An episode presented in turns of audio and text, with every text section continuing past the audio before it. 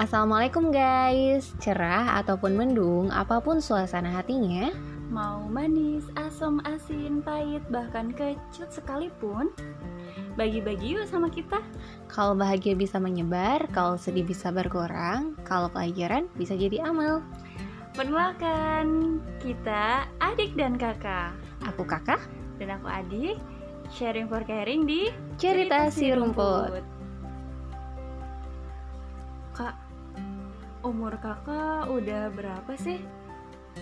Bosan gak sih dengar pertanyaan orang-orang kapan nikah? um, Mau jawaban jujur atau bohong nih? Jujur lah. Maunya sih tetap 17 tahun ya Atau belasan tahun biar masih ngerasa muda Atau emang beneran muda Atau uh, umur kan cuman angka doang ya sebenarnya jiwa kakak itu ya tetap jiwa kakak yang muda. Tapi kalau misalkan jawab jawaban jujur ya udah seperempat abad lah. Berapa tuh? Hmm, kalau secara matematika sudah udah 25 dong ya? iya adik juga kan. Adik baru 25 ya.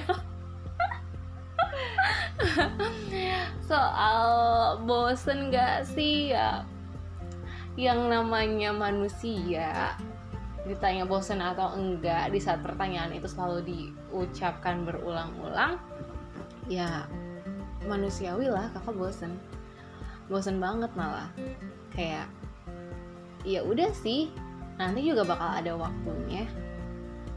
Um, kakak juga kan belum nikah bukan karena kakak gak mau. Tapi kan soal nikah itu udah Allah tentukan udah ada dalam suratan takdirnya. Jadi ya mau kakak ikhtiar sebanyak apa pun mau berdoa sebanyak apa pun dan kalau Allah bilang nanti ya nanti. Pun kalau misalkan kakak diem aja kakak nggak ada usahanya nggak ada doanya nggak pernah minta kakak mau buat nikah. Tapi kalau misalkan Allah nyuruh kakak buat nikah sekarang ya bakalan nikah juga kakak sekarang. Hmm, gitu nggak sih kalau adik gimana Bener-bener sih gitu juga kak. Pendapat sih adik sama kakak. Terus eh, gimana kita nih? Eh, kan kita udah tahu ya eh, prinsip apa ya pengertian nikah itu kayak gimana gitu. Waktunya juga kan itu perkara takdir. Terus nyikapin orang-orang yang nanya kayak gitu, sedangkan mereka nggak tahu gimana tuh? Benar nih, tadi bilang katanya pengertian nikah. Perasaan dari tadi kita belum ngebahas nikah ya guys. Iya guys, guys. Pengertian nikah ya intinya kan kalau nikah itu untuk ibadah. Iya tapi Hmm. benar sih kalau misalnya kita mau ngebahas soal nikah yang pertama kita harus pahami apa itu pernikahan. Definisi definisi nikah itu kayak gimana? Apa apa dong dek? Nikah. Iya nikah apa ya artinya ya?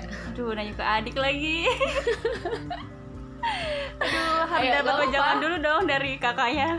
Gak apa-apa, gak apa-apa. Tadi kan Oh. kakak ditanya terus nih gantian dong yang nanya. Apa itu nikah? Nikah itu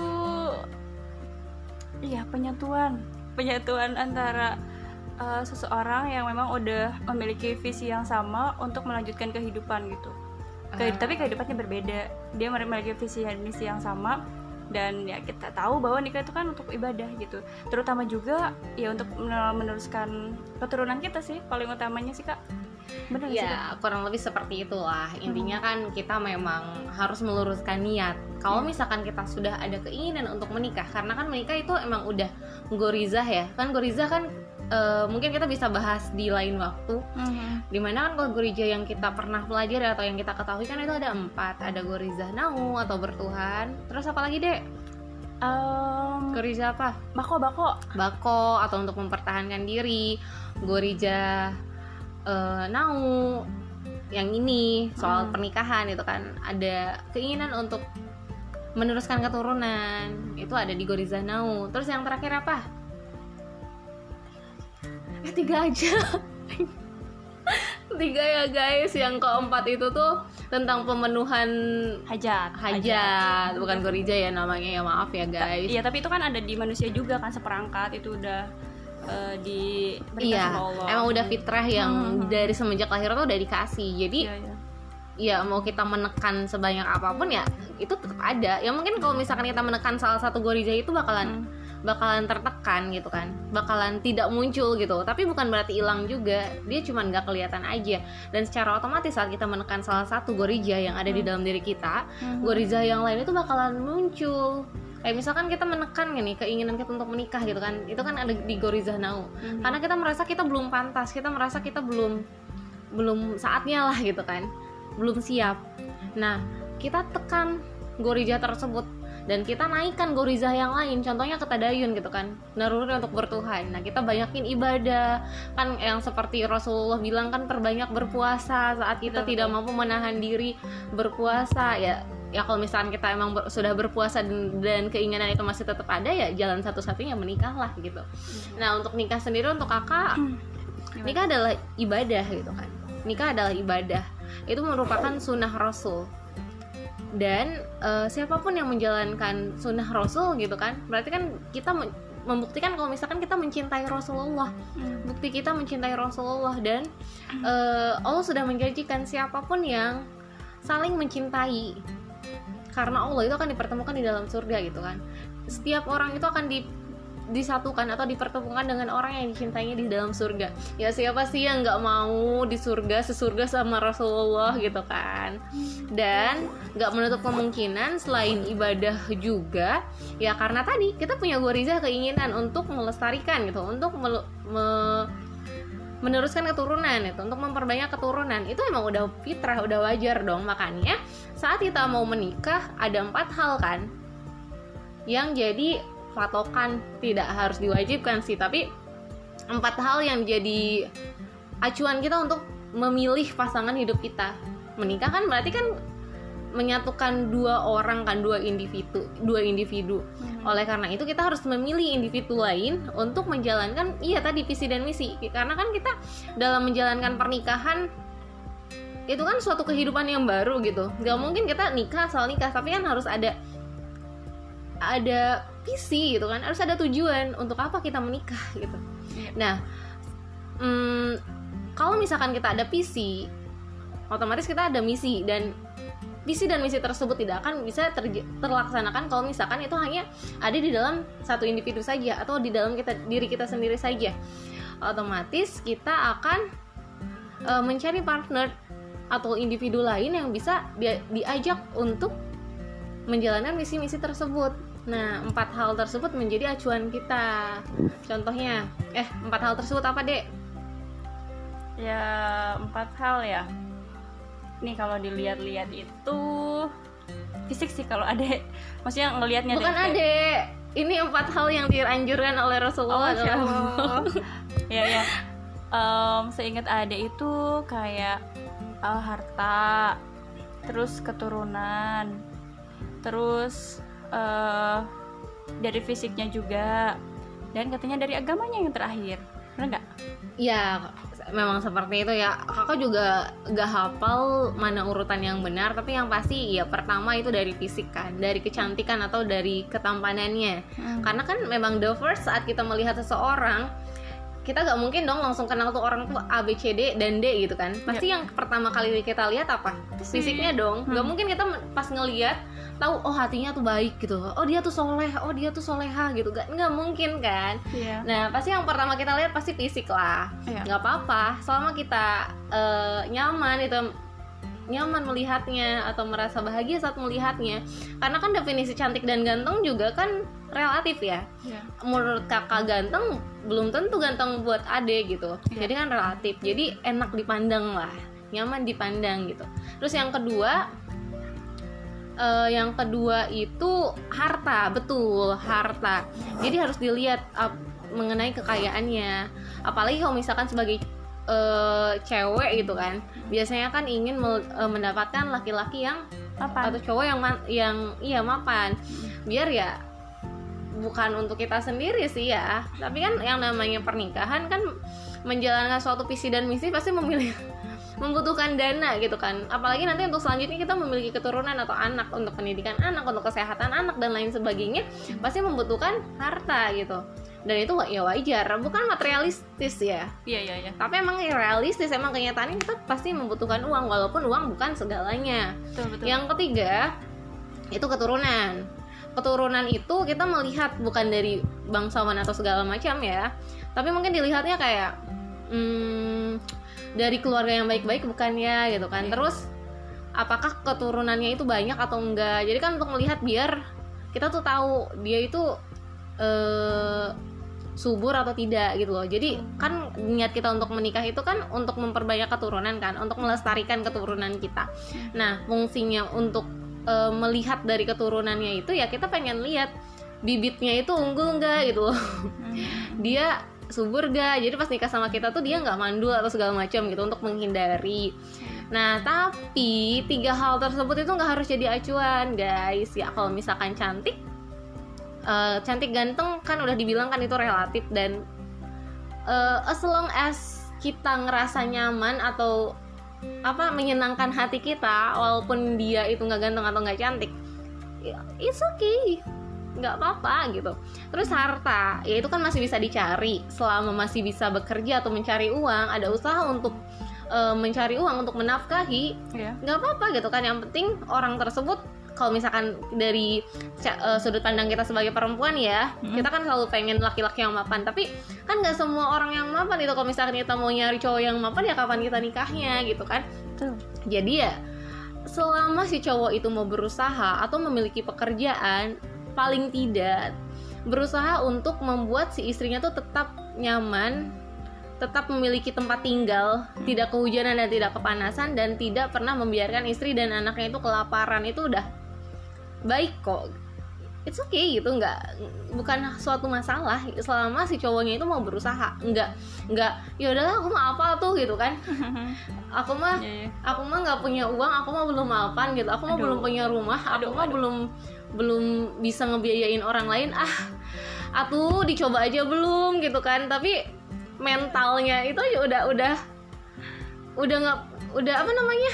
Udah apa? Udah udah nyerah gitu ya. Jadi nggak Iya. kayak mau mencoba gitu ya. Iya justru orang yang kayak gitu yang nggak akan pernah kakak pilih sih dek. Soalnya dia bermental miskin. Siapa tahu Hmm. sebenarnya dia mampu tapi dia merasa nggak mampu gitu loh. Iya lebih baik orang yang emang gak punya apa-apa tapi dia bermental kaya gitu kan. Hmm. bermental kaya. Jadi walaupun dia gak punya dia masih sempet sempetnya bersedekah gitu. Karena dia ngerasa ya dia punya Allah gitu. Ya menurut kakak sendiri sih orang yang kaya itu adalah orang yang saat dia ngerasa nggak punya apa-apa tapi dia dia merasa punya segalanya sampai-sampai dia masih bisa bersedekah sama orang lain. Karena apa? Karena dia ngerasa walaupun dia nggak punya apa-apa tapi dia punya Allah tuh udah udah mencakupi segalanya. Jadi dia yakin kalau misalkan dia tuh kaya gitu. Karena dia tuh mau berusaha mau berdoa dia deket sama Allah. Makanya ya segala apa pun yang dia miliki saat itu dia nggak sungkan buat kasih ke orang lain karena Allah pun nggak sungkan ngasih ke dia gitu Wah. terus yang ketiga itu tentang keturunan tadi ya udah dibahas bukan sih ya Udah, keturunan udah. ya udah soal keturunan gitu kan mau ngelihat eh, mandul atau tidak Nah, ya. baik atau enggak gitu kan Mhm. sebenarnya kan pada proses perkenalan diri pun pasti bakal ketahuan kan kalau misalkan dia anak yang baik atau tidak karena ya walaupun eh, buah itu tidak jauh tidak jatuh jauh dari pohonnya tapi kan lingkungan juga mempengaruhi toh pas kita perkenalan pun kita bakal tahu dia adalah sosok pribadi yang seperti apa Hmm. Eh, walaupun dia tidak berada dalam maksudnya bukan dari keluarga yang baik-baik tapi saat kita mengenal dia dan kita merasa dia adalah orang yang baik tidak seperti yang orang katanya bilang itu keluarganya tidak baik kan kebanyakan dari kita taunya dari katanya ya kan betul Hmm. di mana katanya itu tuh bukan berarti suatu kebenaran bu- bukan berarti dia fakta gitu Iya, tetap benar-benar. ya menurut kakak sih ya udah nggak apa-apa Hmm. yang penting yang kita mau nikahin kan cowoknya Iya, gitu ya walaupun iya, iya. secara otomatis keluarganya pun akan kita nikahi karena dia adalah keluarga kita juga tapi kan eh, eh, secara spesifik yang kita mau nikahi adalah laki-laki yang Iya. individunya gitu kan Mhm. ya selama dia memiliki visi dan misi yang sama dengan kita ya nggak apa-apa Iya, It's iya, okay gitu karena kita juga belum belum belum tentu kita memiliki keluarga yang baik menurut dia Iya iya. Eh kak, tapi ini ada eh, apa namanya tertarik gitu. Tadi pas kakak. oh ngomong. nanti eh, simpen dulu ya pertanyaannya ini belum Baik. selesai Oh belum selesai toh. Baik, lanjut lanjut kak. Iya, ini kan soal keturunan tadi kan mau so- mau tahu soal baik atau buruk dari segi background keluarganya Hmm. dan ya nggak apa-apa selama individunya itu baik dan yang kedua kan dari segi keturunan kan yang dinilai maksudnya selain tentang baik buruk dari backgroundnya itu mm, banyak atau tidak nih bibit unggulnya gitu kan Iya. unggul atau enggak jadi ya menurut kakak ya anak itu tuh ya udah rahmat atau rezeki dari Allah gitu ya Iya. walaupun misalkan dia dari keturunan yang kurang unggul misalkan dari segi keturunan karena biasanya setiap keluarga atau kepala keluarga biasanya cuma punya anak satu gitu kan ya kemungkinan kan kita menilainya keturunannya kurang gitu kan. Iya. kayak susah dapet anak gitu kan. Tapi ya kita nggak perlu takut akan itu. Kalau misalnya kita percaya sama Allah. Toh eh, Siti Sarah punya anak Ismail. Eh bukan Ismail. Ismail dari Hajar ya guys. Siti Sarah punya anak Ishak. Itu pas umur berapa? Udah tak udah udah tua kan? Apalagi yang banyak didoain tuh. Banyak jadi doa buat orang-orang yang pengen punya anak tuh. Zakaria istrinya hamil pas umur berapa? Pas udah selesai man, udah manula gitu loh. Kayak ya menurut kita tuh impossible tapi kayak nggak ada yang nggak mungkin buat Allah. Ya selama kita yakin gitu kan. Toh kalaupun misalkan kita emang nggak ditakdirkan untuk memiliki anak di dunia Allah udah menjanjikan suatu saat nanti kalau misalnya kita masuk surga kita akan akan diberikan anak gitu kan yang eh, disusui diberi makan dan jadi besar dari dan langsung besar gitu loh ngerti nggak maksudnya? Di surga. Ya kita akan merasakan gitu bagaimana rasanya menjadi seorang ibu membesarkan anak dari kecil sampai besar tapi berlangsung sebegitu cepatnya gitu tanpa harus menunggu lama seperti yang ada di dunia. Tapi yang pasti kita akan merasakan nikmat yang lebih besar daripada nikmat yang kita rasakan saat di sini. Jadi ya setiap wanita kalau misalkan kita eh, mengikuti aturan Allah gitu kan dan menjauhi larangannya dan kita ditakdirkan untuk masuk surga apa pun yang kita inginkan termasuk eh, ingin menjadi peran berperan sebagai ibu ya itu bakal dikabulin kok. Nothing is impossible selama kita ada di surga gitu. Yang jadi masalah kan gimana caranya kita masuk surga. Nah yang terakhir tadi kan baru tiga yang disebutin ya. Iya. yang terakhir itu agamanya. Kita the first. Pandangan kita mengenai tiga hal kecantikan kekayaan ataupun keturunan itu tidak akan pernah dipandang baik kalau misalnya kita tidak memiliki agama yang baik. Mungkin kalau misalkan agama kita agak baik kita akan mementingkan tiga hal tersebut. Tapi saat kita memiliki agama yang baik saat tiga hal tersebut tidak ada dan selama punya agama yang baik gitu itu udah udah paling baik kok. Udah gak apa-apa gitu. Udah udah udah memenuhi syarat istilahnya. Agama yang baik itu seperti apa sih ya kalau menurut kakak sendiri ya selama dia sholat lima waktu. Selama menjalankan syariat Islam syariat kan banyak banget kan ya. Tapi ya gak harus yang alim-alim banget lah. Selama dia mau belajar. Soalnya kan belajar ilmu agama kan sepanjang hayat ya. Tapi Oke. kebanyakan orang kan belajar malah kebanyakan yang ilmu dunia aja gitu kan untuk pekerjaan mereka di dunia. Padahal kan berapa sih umur kita di dunia rata-rata? Nomor lima. ah. Iya sekitar 60-an kayak kita tuh cuma nikmatin waktu di dunia tuh cuma sebentar gitu. Tapi justru ilmu yang kita butuhkan untuk kita di akhirat itu cuma sedikit. Kita nggak ngasih waktu yang banyak buat kita nyari ilmu agama. Ya kalau menurut kakak sih agama yang baik itu ya selama dia menjalankan kewajiban dia sebagai seorang muslim. Muslimah. Dan dia mau berusaha untuk menjadi lebih baik apa dek? Tadi mau nanya apa? Iya tadi ada tertarik sama ini yang kakak sampaikan. Mental miskin. Tadi kan sama uh, rendah di rendah rendah hati kali ya. Mungkin dia tuh si cowoknya itu kan mungkin maksudnya uh, rendah diri gitu tuh. Saya tuh keadaannya kayak gini gitu. Itu sama nggak sih kak? Beda lah. Kayak gimana tuh? Biar mereka tuh juga nggak salah kaprah juga gitu. Dan ada sih ngelihatnya kayak orang yang kayak gitu heeh, gitu, kalau misalkan mental miskin itu bisa terjadi sama siapa pun. Hmm. Sama siapa pun ya bahkan orang itu sebenarnya mampu Tapi dia selalu ngerasa gak mampu. Eh Ya kalau misalkan emang yang beneran miskin ya emang dia miskin kali ya. Tapi kan kayak Jarang banget orang yang mental kaya. Orang yang bermental miskin itu adalah orang yang takut bersedekah atau takut untuk memberikan sesuatu yang mereka miliki gitu padahal mereka punya. Dan salahnya lagi mungkin kan kebanyakan orang ya wajar dong aku nggak nggak nggak ngasih karena kan aku nggak punya apa-apa. Iya. mereka lupa padahal mereka punya Allah gitu. Mereka selalu melupakan itu. Padahal kan Allah selalu bilang gitu kan kalau misalkan kamu mau dikasih nikmat yang banyak gitu tuh eh, jangan lupa bersedekah di saat kamu lagi dalam keadaan sempit gitu. Dan jangan lupa untuk bersyukur di saat kamu dalam keadaan lapang terus kalau misalkan yang rendah diri maksudnya rendah diri tuh ya nggak sombong kan? Ya nggak sombong kan? ya maksudnya dia tuh punya tapi anggapnya saya tuh nggak punya apa-apa gitu tuh. Gitu gimana tuh kak? Bukan nggak punya apa-apa lebih tepatnya kayak semua yang dia miliki itu adalah titipan Allah. Jadi sudah sewajarnya dia ngasih rendah diri ya seperti itu. Dia nggak sombong kayak dia cuma pengen memperlihatkan tapi dia nggak ngasih apa-apa. Atau dia pengen ngasih ke setiap orang apa yang dia miliki tapi pengen dilihat sama orang lain.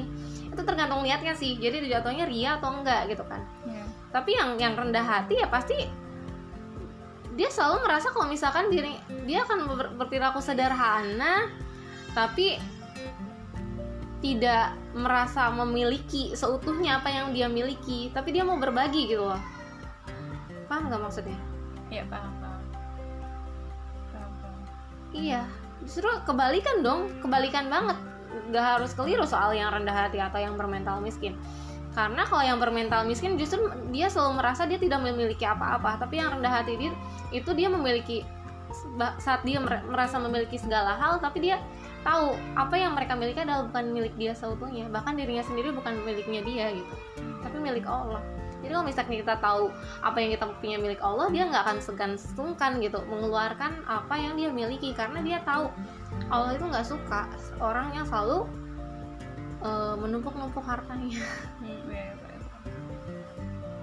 Oke, Ada- so ini nih kak kan tadi belum eh, belum kejawab. Kan nanya nanya pendapat kakak nih gimana tanggapannya menanggapi orang-orang yang nanya tadi no kapan nikah kapan nikah? gitu. Oh iya benar. Masih ngebahas yang pertanyaan pertama ya soal kapan nikah. Ya tadi sudah kejawab banget sih pertama, cuman mungkin singkat banget kali ya. Jadi kan ya kalau misalkan kita percaya soal kode dan kodar, kan kalau misalkan kita beragama Islam, kita meyakini Allah adalah Tuhan kita, berarti yang harus kita lakuin apa?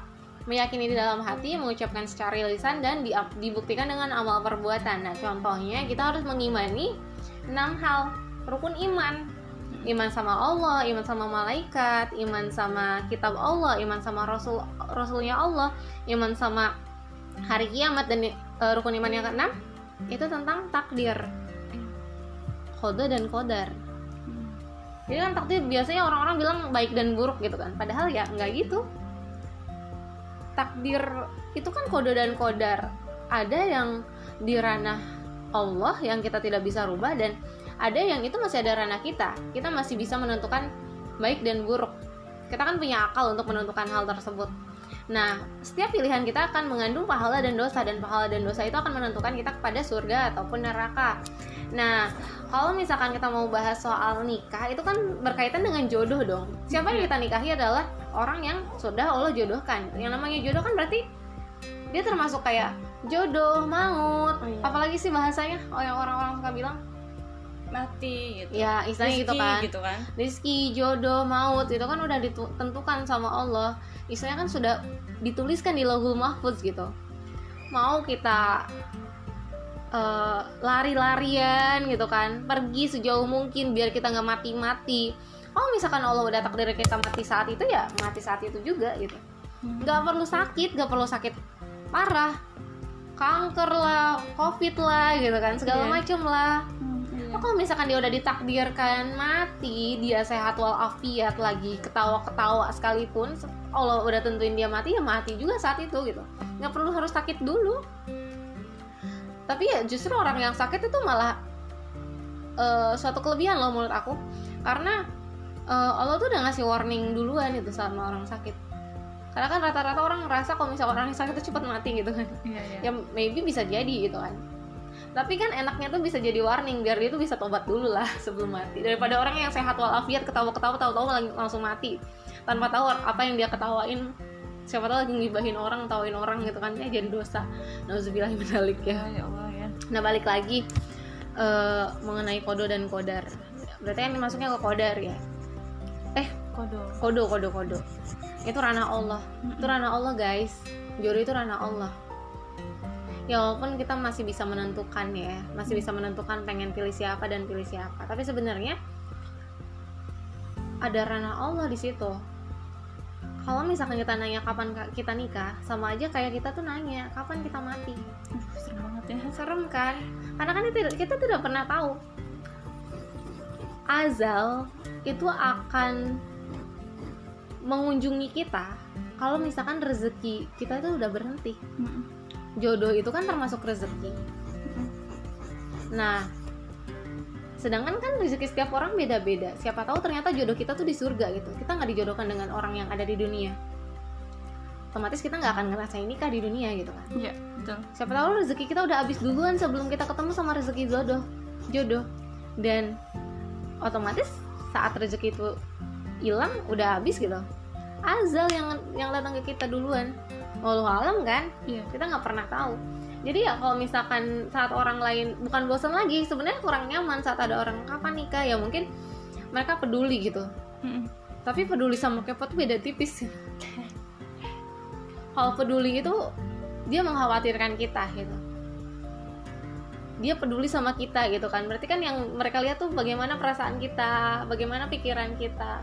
Tapi cukup sampai di situ aja gitu tapi kalau misalkan yang kepo ayolah kapan nikah si itu tuh udah nikah loh si ini udah nikah boro-boro peduli orang yang peduli itu bakalan mikirin gimana sih perasaan kita saat kita nanya itu Iya. ini malah dibanding-bandingin sama orang lain orang si A si B udah nikah duluan pengen nambah beban pikiran kita di mana Mhm. rasa pedulinya kalau misalkan dia berpikir seperti itu atau nanya seperti itu Iya, iya, iya.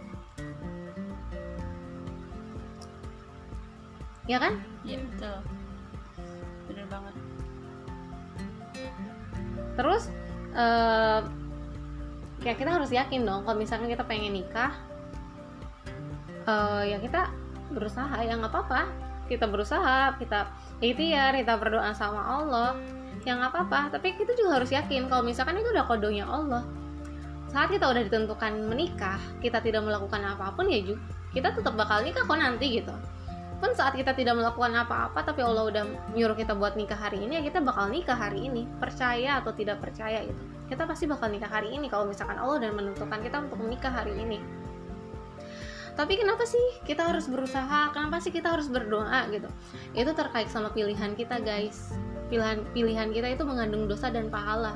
Ya kalau misalkan kita ingin membuat setiap aktivitas yang kita miliki itu menghasilkan pahala ya kita harus berusaha lah berdoa lah Allah kan suka prosesnya bukan hasilnya soalnya hasilnya emang urusan Allah kita mau dapet jodoh atau nggak dapet jodoh ya itu urusan Allah tapi soal usaha kita berdoanya kita itu urusan kita pilihan kita kita pengen dapat pahala atau pahala, atau dapat dosa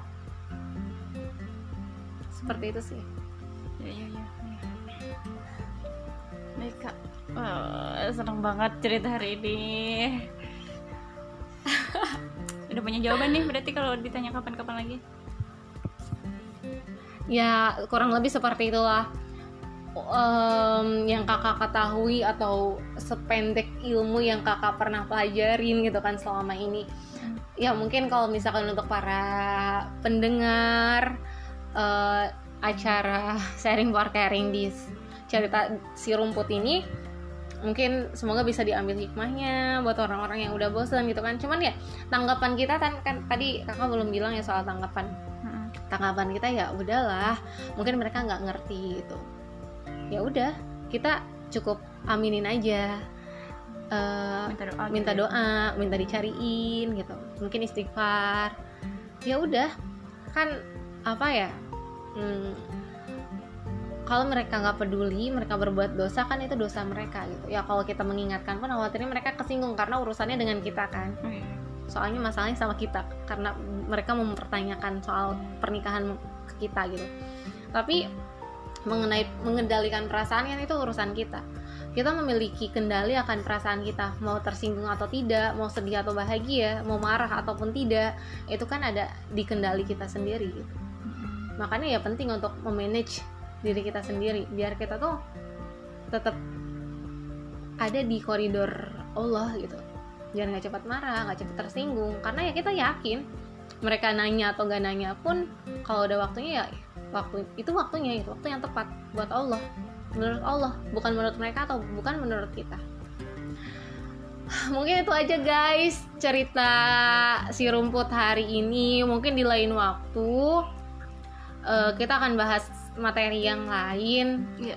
yang nggak melulu soal pernikahan tapi kalau misalkan masih uh, pengen ngomongin soal nikah karena kan ngomongin nikah itu ibadah sepanjang masa ya pasti Iya. banyak banget hal yang harus dibicarakan Mhm, bener-bener Nah mungkin nanti kita bahas di lain waktu karena ini udah terlalu panjang. Eh, ada yang mau disampaikan nggak, Dek? Ada udah nggak ada lagi kak. Baik Oke, cukup sekian cerita si rumput kali ini. Semoga di pekan depan atau di lain waktu kita bisa berbagi bersama di cerita si rumput. Aduh. Cerita si rumput. Itu aja guys kurang lebihnya. Kalau misalkan ada yang kurang itu salahnya dari ke kita. Kalau misalkan ada yang benar itu datangnya dari Allah cukup Ya. sekian. Assalamualaikum warahmatullahi wabarakatuh. Sampai bertemu kembali di lain waktu guys